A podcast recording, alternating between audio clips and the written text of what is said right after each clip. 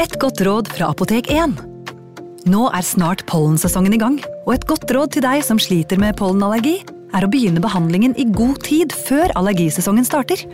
Da får du nemlig enda bedre effekt av legemidlene, og så blir ikke våren din helt ødelagt. Kom innom og få råd på ditt nærmeste Apotek 1, eller chat med oss på apotek1.no. Apotek 1 vår kunnskap, din trygghet.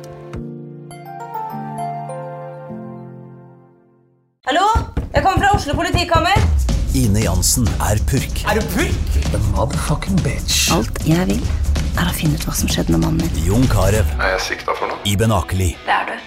Ole So, Lars Berrum og Big Daddy Karsten. Hvem sin side er du på, egentlig? Anette Hoff, Tone Danielsen, Kommer du fra Afrika? Jørnis Josef, Nesten kløfta. Trond Espen Seim, Det er synd å si det, men det var feil mann som døde. Purk. Premiere tirsdag på TV2 Play. Hei! Takk for at du lytter til True Crime Podden dokumentar. Skulle du ønske at du kunne høre en ny episode av denne podkasten hver eneste uke? Vel, da er det bare å laste ned podkastappen Untold med en gang. I tillegg til ukentlige episoder av podkaster som Skrekkpodden, Synderne og True Crime Podden, får du masse annet reklamefritt og eksklusivt innhold. Last ned Untold i AppStore eller Google Play, og start din 30 dagers prøveperiode i dag. you.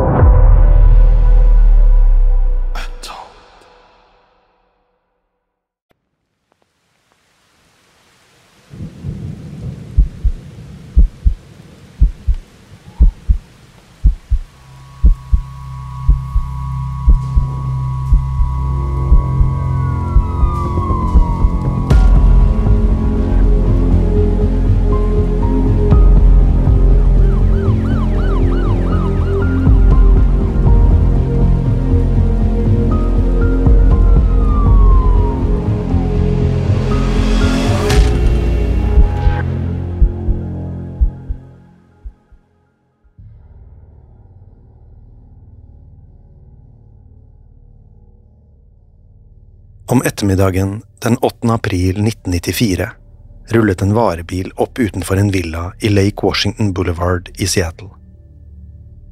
Bilen stanset i oppkjørselen, og en mann i arbeidsklær åpnet førerdøren. Uten å kikke opp på huset dro han opp døren til lasterommet og hentet fram verktøykassen sin, samt en liten pappeske. Mannen forsikret seg om at esken inneholdt det riktige alarmsystemet, før han smalt døren igjen og begynte å vandre oppover mot huset. Elektrikeren løftet blikket og kikket opp på den digre villaen. Den strakk seg over tre etasjer og hadde store, flotte vinduer. De høye, pent trimmede hekkene skjulte store deler av første etasje, og en diger garasje sto like nedenfor huset. Over garasjen kunne det se ut som beboerne hadde fått bygget et lite drivhus. Mannen gikk rett forbi garasjen og fortsatte opp et par trappetrinn til selveste huset. Der stilte han seg foran inngangsdøren og ringte på dørklokken. Da ingen kom for å åpne, ringte han på igjen. Men ingenting skjedde. Det var ikke noen lys i vinduene, og han kunne ikke høre noen bevegelse der innefra. Elektrikeren stusset litt og kikket på klokken. Dette var tidspunktet han var blitt bedt om å komme på, så det var merkelig om ingen var hjemme. Han tok en runde rundt huset, men kunne ikke se noen. Til slutt bestemte han seg for å kikke i garasjen. Portene sto allerede åpne, og det så ut til å være et lys på i drivhuset. Mens han ropte etter eieren og fortalte hvem han var, gikk elektrikeren opp trappene fra garasjen til drivhuset. Fra toppen av trappen kunne han se at døren til drivhuset sto på vidt gap. En fryktelig stank slo plutselig mot ham, så han måtte holde seg for nesen. Hva eierne hadde plantet i drivhuset var ikke godt å si, men det luktet forferdelig. Det var da mannen plutselig fikk øye på det. Innenfor døren så han en ung, blond mann på gulvet. Til å begynne med så det ut som han hadde sluknet. Det var helt til elektrikeren oppdaget blodet på gulvet og haglen i mannens hender. Elektrikeren skvatt sjokkert tilbake før han snublet nedover trappene og kastet seg i bilen sin. Igjen i drivhuset lå liket av 27 år gamle Kurt Cobain, en av tidenes største rockestjerner, og grunnlegger av bandet Nirvana. I et blomsterbed ved siden av ham lå et selvmordsbrev, og store mengder størknet blod hadde formet seg som en glorie rundt hodet hans. Musikklegenden Kurt Cobain var fremdeles en av verdens største stjerner da han ble funnet død i sitt eget hjem i 1994. Han hadde vært stemmen og uttrykket til en hel generasjon, og spilte for fullsatte konsertsaler over hele verden. Samtidig forsøkte han å opprettholde en viss stabilitet på hjemmebane. Denne typen ansvar skulle etter hvert bli for mye for Kurt å bære. Han slet allerede voldsomt med sine indre demoner, og berømmelsen gjorde det ikke noe lettere. Kurt hadde funnet et utløp gjennom musikken, men det var ikke alltid nok. Han skulle bli en av de mest plagede sjelene i musikkens historie, men var også en pioner. Kurt Cobain skulle definere sjangre og bryte normer, og er i ettertid blitt betraktet som en av de mest innflytelsesrike artistene verden noen gang har sett. Han som en gang skulle bli frontmann og gitarist i tidenes største grungeband Nirvana, skulle tidlig få oppleve skuffelse og motgang. Selv om han senere skulle assosieres med Seattle, ble Kurt født i Aberdeen i delstaten Washington i februar 1967. Moren Wendy jobbet som servitør på en kafé, og faren Donald var mekaniker. Dermed hadde ikke Cobain-familien mye å rutte med. Likevel var det en enorm glede da lille Kurt kom til verden. Han var det første barnet i sin generasjon i familien, så alle samlet seg rundt ham. Onkler, tanter, besteforeldre og venner kom stadig på besøk for å se den lille gutten. Han virket som en magnet på dem, og det var ikke uten grunn. Som barn var Kurt en solstråle, han var sprudlende og glad hele tiden, samtidig som han viste at han hadde en sensitiv og omsorgsfull side ved seg. I tillegg utviste Kurt tidlig et talent for kunst, kultur og musikk. Han sang og danset dagen lang, og snart fikk han også stor interesse for tegning og maling. Ifølge foreldrene var det nærmest umulig å ta fra ham penslene når han først hadde fått tak i dem. Kurt lekte seg også både på gitar og piano. Huset var stadig fylt av latter, musikk og glede, og det var alltid Kurt som var senteret for det hele. I oppveksten skulle foreldrene likevel legge merke til at Kurts energi aldri tok slutt. Han kunne ikke sitte stille i mer enn noen minutter av gangen, og hadde alltid et ekstra gir å gå på. Til å begynne med hadde ikke det vært noe problem. Spilloppene hans gjorde folk glade, og det så ut til å glede ham selv også. Med tiden skulle Kurts energinivå likevel bli vanskeligere å håndtere for Wendy og Donald. Han hoppet stadig rundt i huset, slo inventaret over ende og var til tider ganske høylytt. Da Kurt var syv år gammel, bestemte foreldrene seg derfor for å ta med til en lege. Der ble det tydelig at Kurt viste tegn på hyperaktivitet og konsentrasjonsvansker. I et forsøk på å trekke ned energinivået hans litt, fikk Kurt en resept på medisiner som skulle roe ham ned litt og døyve de hyperaktive tendensene. Dette ble Kurts første møte med medikamenter, men det skulle ikke bli hans siste. Medisinene virket, og Kurt ble roligere. Likevel fjernet det litt av den gutten han var. Uten sin vanlige, høye intensitet ble han mer tilbaketrukken og beskjeden. Kurt likte aldri den han var når han tok medisinene sine, og det hendte han lurte seg unna å ta dem, men dette skulle også få konsekvenser. Aberdeen var et lite landlig sted, som i så mange andre tilfeller var det lite rom for å være annerledes der. Kurt skulle selv beskrive det som et sted fullt av ukultiverte bondetamper. Han ble kraftig mobbet på skolen for måten han oppførte seg på. Han var en liten og spinkel gutt, uten styrken til å forsvare seg selv. Når ingen andre gjorde det heller, begynte han å avsky hjembyen. Alt ble bare verre da Kurts foreldre bestemte seg for å skilles da han var kun ni år gammel. Faren hans hadde flyttet ut av huset bare en ukes tid etter Kurts bursdag, mens Kurt ble boende igjen hos Wendy. Hun fikk eneansvaret for sønnen og søsteren hans Kimberley. Donald hadde rett til å besøke barna, men det var ikke det samme lenger. Skilsmissen var et hardt slag for unge Kurt. Det hadde skjedd så fort, og nå var alt blitt snudd på hodet. Ikke bare var han en liten, spinkel gutt. Nå var han også et skilsmissebarn, og mobberne hans visste å utnytte det. Etter det var det som hele Kurts personlighet endret seg. Han var ikke lenger like sprudlende og glad. Kurt følte at foreldrenes skilsmisse hadde ødelagt livet hans, og han ble mer innesluttet enn noen gang. Han nektet å prate med noen om det han følte og alt som plaget ham. I stedet valgte han å utagere. Kurt hadde alltid vært sosial og utadvendt, men nå ble han nervøs, angstfylt og usikker. Mest av alt skammet han seg over familien sin. Ingen av de han kjente hadde skilte foreldre, så nå fikk de bare enda en grunn til å mobbe ham. Etter det ble Kurt bare enda mer opprørsk og vanskelig å ha med å gjøre. Han fant stadig på rampestreker for å få utløp for frustrasjonen sin, og for hver gang ble de mer utspekulerte. Til å begynne med hendte det at han skrudde ut alle lyspærene i hjemmet, slik at moren kom hjem til et mørklagt hus. Andre ganger låste han barnevakten sin ute, så han kunne gjøre som han ville inne.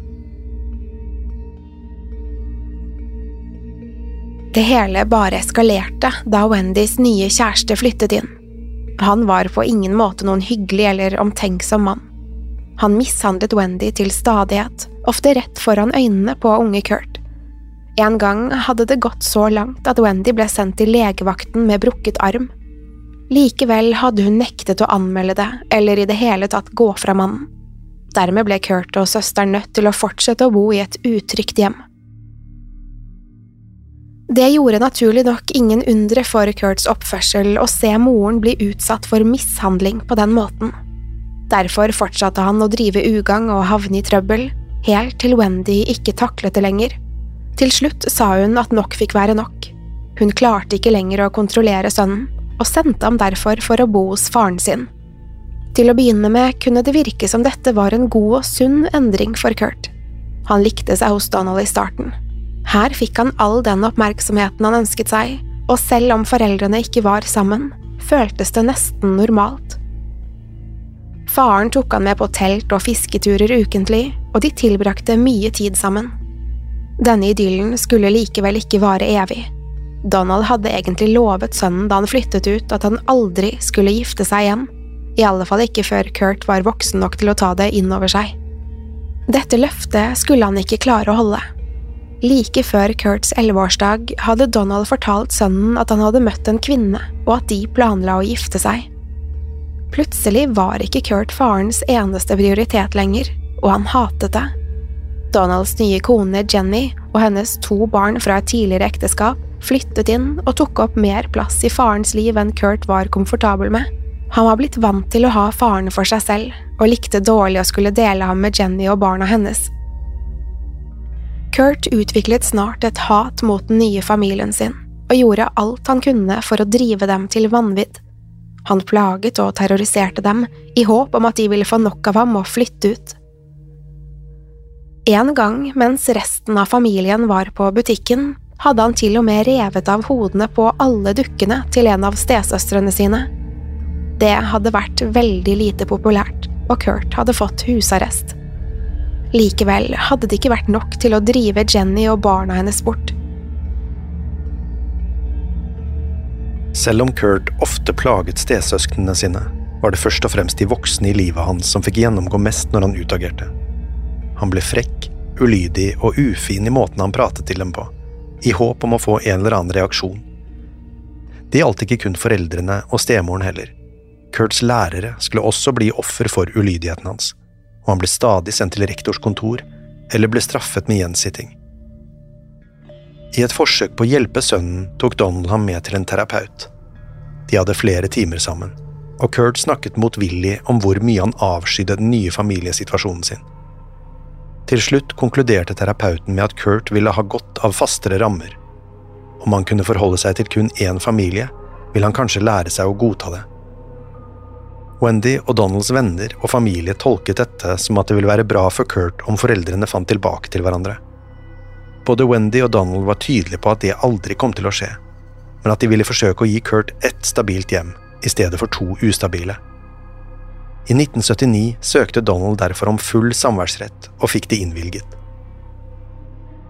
Kurt var slett ikke fornøyd med denne nye ordningen.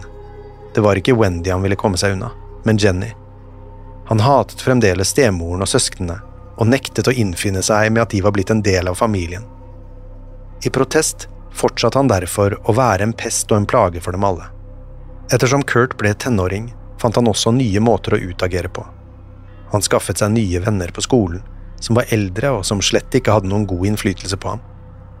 Sammen med disse guttene røkte han hasj daglig, noe som raskt ble en måte for ham å lette på frustrasjonen sin. Han merket at bekymringene hans forsvant når han var beruset. Da kunne han ligge stille i timevis og høre på musikk, uten å tenke på sinnet sitt mot stemoren.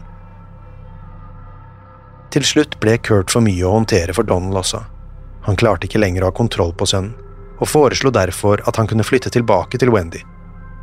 Hun nektet blankt å ta tilbake Kurt, fordi hun ikke på noen måte hadde overskudd til å ta seg av ham. Dermed ble sønnen sendt på rundgang mellom venner og familie. Hver gang han ble for vanskelig å ha med å gjøre, bar det videre til neste husholdning.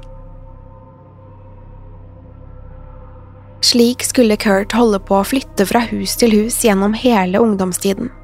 Det var frustrerende og regelrett nedverdigende. Likevel skulle denne konstante flyttingen være med på å forme ham. Blant dem som tok seg av Kurt en periode, var nemlig onkelen hans, Chuck Freidenberg. Chuck var musiker og hadde alltid oppfordret Kurt til å dyrke sine musikalske talenter. Han mente det ville være et mye bedre utløp for nevøens frustrasjon enn å til stadighet havne i trøbbel. På Kurts 14-årsdag hadde onkelen spurt hva han ønsket seg i gave. Til å begynne med hadde ikke Kurt visst hva han skulle svare, som var nøyaktig det Chuck hadde regnet med. Derfor ba onkelen han velge mellom en ny sykkel eller en brukt gitar. Selvsagt hadde Kurt valgt seg ut gitaren. Etter det skulle Kurt bruke enorme mengder tid med gitaren i hendene. Til å begynne med lærte han seg å spille favorittlåtene sine fra band som Led Zeppelin, Queen og The Cars. Onkelen ble etter hvert så imponert av Kurts dedikasjon at han sendte nevøen til en gitarlærer slik at han skulle bli enda bedre. Det førte igjen til at Kurt begynte å eksperimentere med sine egne låter. Rundt den samme tiden ble Kurt kjent med en gutt som het Buss Osborne. Han var et par år eldre enn Kurt, men de fant snart en kobling gjennom musikken. Buss var frontmann i bandet The Melvins, som spilte moderne punk. Kurt ble straks oppslukt av punkens uttrykk og stil. Råskapen og ektheten i sjangeren snakket umiddelbart til ham. Det ble en revolusjon for hans låtskriving og måten han så musikken på. Samtidig slet Kurt fortsatt med følelsen av sinne og frustrasjon. Noe av det fikk han ut gjennom musikken, men det var fremdeles mye som plaget ham. Han fortsatte å tilbringe tid med eldre gutter som alle hadde dårlig innflytelse på ham. Han likte ikke alt de holdt på med, men de var de eneste han kjente til som kunne skaffe ham hasj. Kurt satt sammen med guttene på bortgjemte plasser i byen, hvor de røkte og drakk alkohol hele ettermiddagen og kvelden. Rusen gjorde at Kurt i korte øyeblikk kunne glemme alle frustrasjonene og de mørke tankene sine. Likevel kom vennskapet med den gale sorten til en pris. Noe av det gjengen fikk Kurt til å bli med på, var å reise hjem til en jente som gikk på samme skole som dem. Hun gikk i en spesialklasse så Kurt hadde ikke lagt merke til henne tidligere. De andre guttene flirte idet de banket på døren til huset hennes, men Kurt sto i bakgrunnen og kikket. Da døren ble åpnet, fikk Kurt se en litt bred, storøyd jente som kikket bekymret på guttene. Kurt merket seg med det samme at jenta hørte hjemme i en spesialklasse. De andre guttene hadde kalt henne stygge ord, som tilbakestående og lettlurt, men for Kurt virket hun mest enkel til sinns og nervøs. Uansett hva som var tilfellet, hadde jenta sagt seg villig til å invitere guttene inn.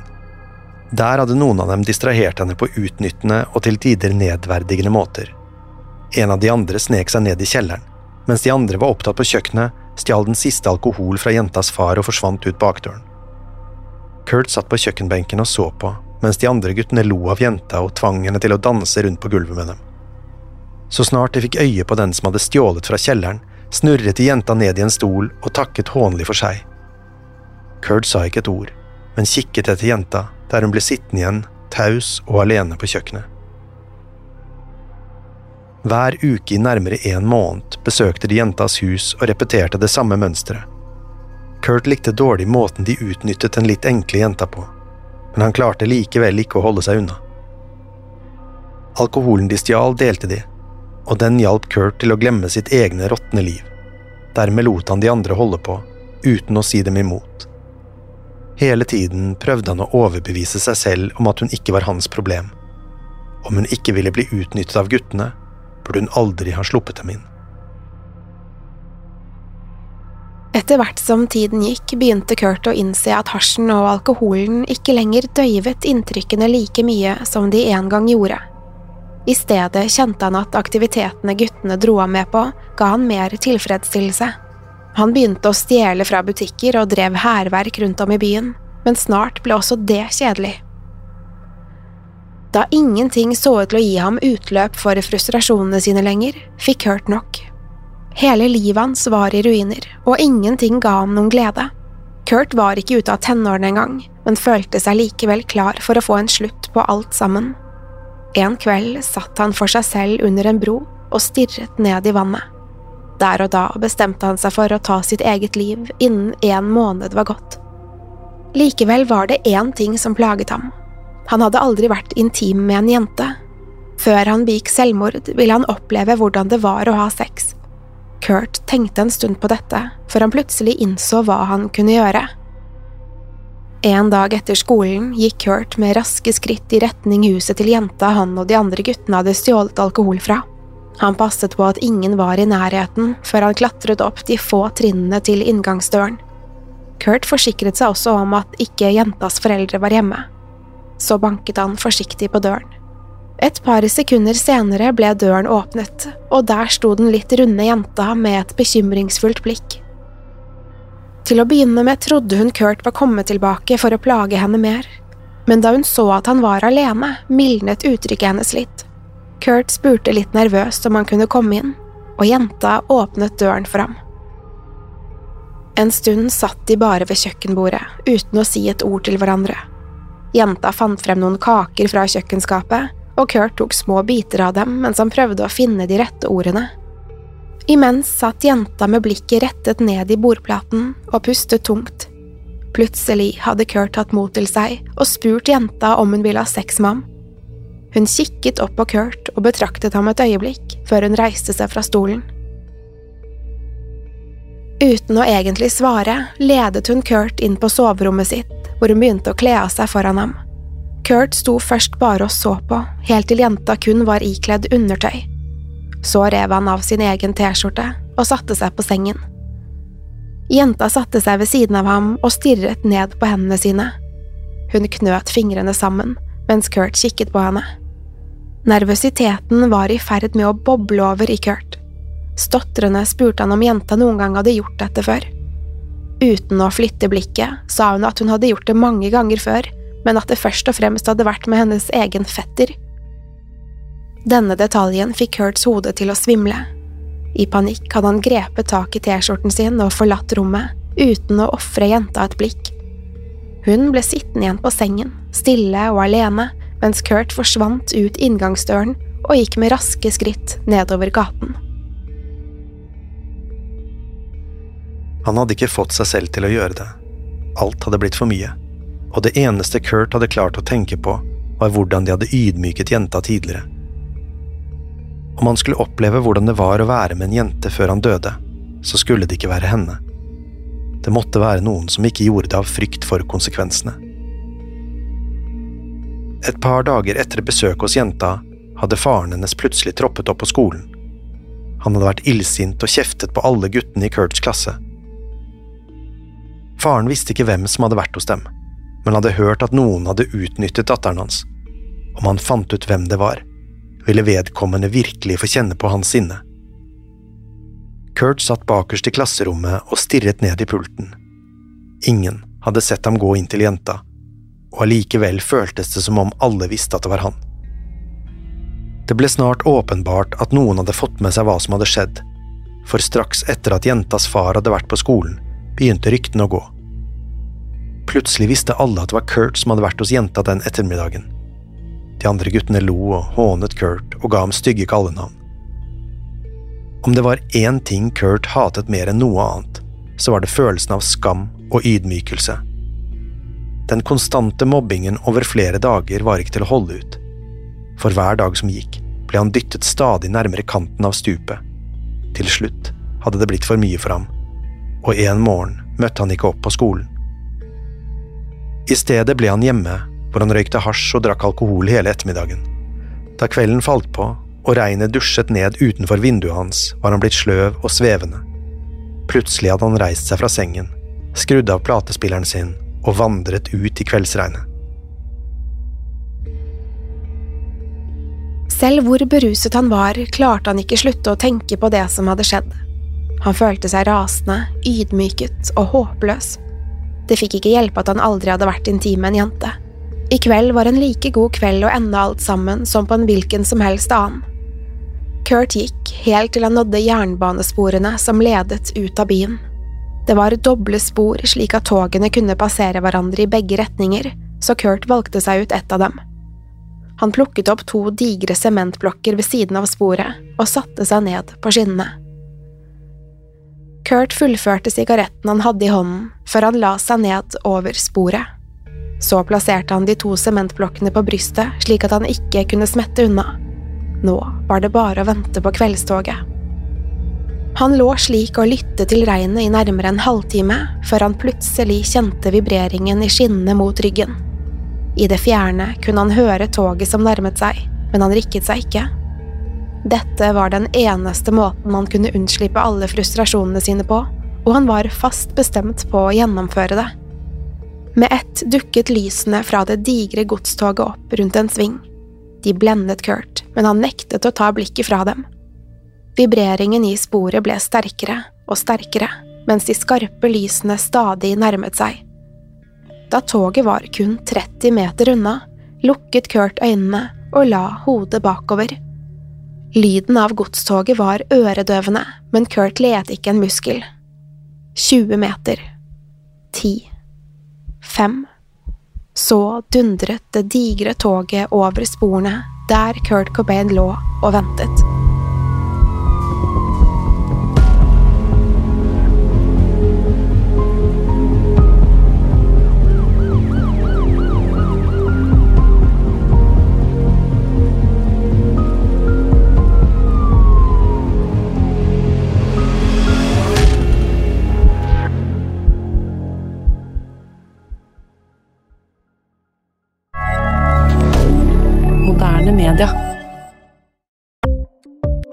Ukens annonsør er Folio, en smartere banktjeneste for deg som har en egen bedrift eller ønsker å starte for deg selv. Folio er en superenkel nettbank for bedrifter. Som kunde i Folio får du en bedriftskonto med et bedriftskort og app. I denne appen er det smarte løsninger som forenkler regnskapet ditt, uansett om du har en liten bedrift eller et enkeltpersonsforetak. Folio er både intuitivt og brukervennlig, og er laget med et enkelt språk. I tillegg tilbyr de forutsigbare priser og ingen skjulte gebyrer. Skulle du likevel trenge det, så kan du snakke med deres raske og hyggelige kundeservice, og der får du prate med en faktisk person og ikke en chatbot. Folio er med andre ord både enklere og koseligere enn banken. Over 10 000 bedrifter har allerede valgt Folio som sin banktjeneste, så besøk folio.no og se hvordan Folio kan forenkle din hverdag også. Har du et enkeltpersonforetak eller en liten bedrift? Da er du sikkert lei av å høre meg snakke om hvor enkelt det er med kvitteringer og bilag i fiken, så vi eh, gir oss her, vi. Fordi vi liker enkelt. Fiken superenkelt regnskap. Kiwi er billigst i VGs matbørs og har vært billigst i fire av de fem siste VGs matbørser. Og nå presser vi prisene på frukt og grønnsaker. På 200 gram broccolini setter vi prisen til 24,90. På 400 gram Cevita blåbær setter vi prisen til 49,90. Og husk, alle Kiwi Pluss-kunder får i tillegg 15% trumfbonus på all fersk frukt og grønt. For det er vi som er prispresserne. Og vi i Kiwi gir oss aldri på pris.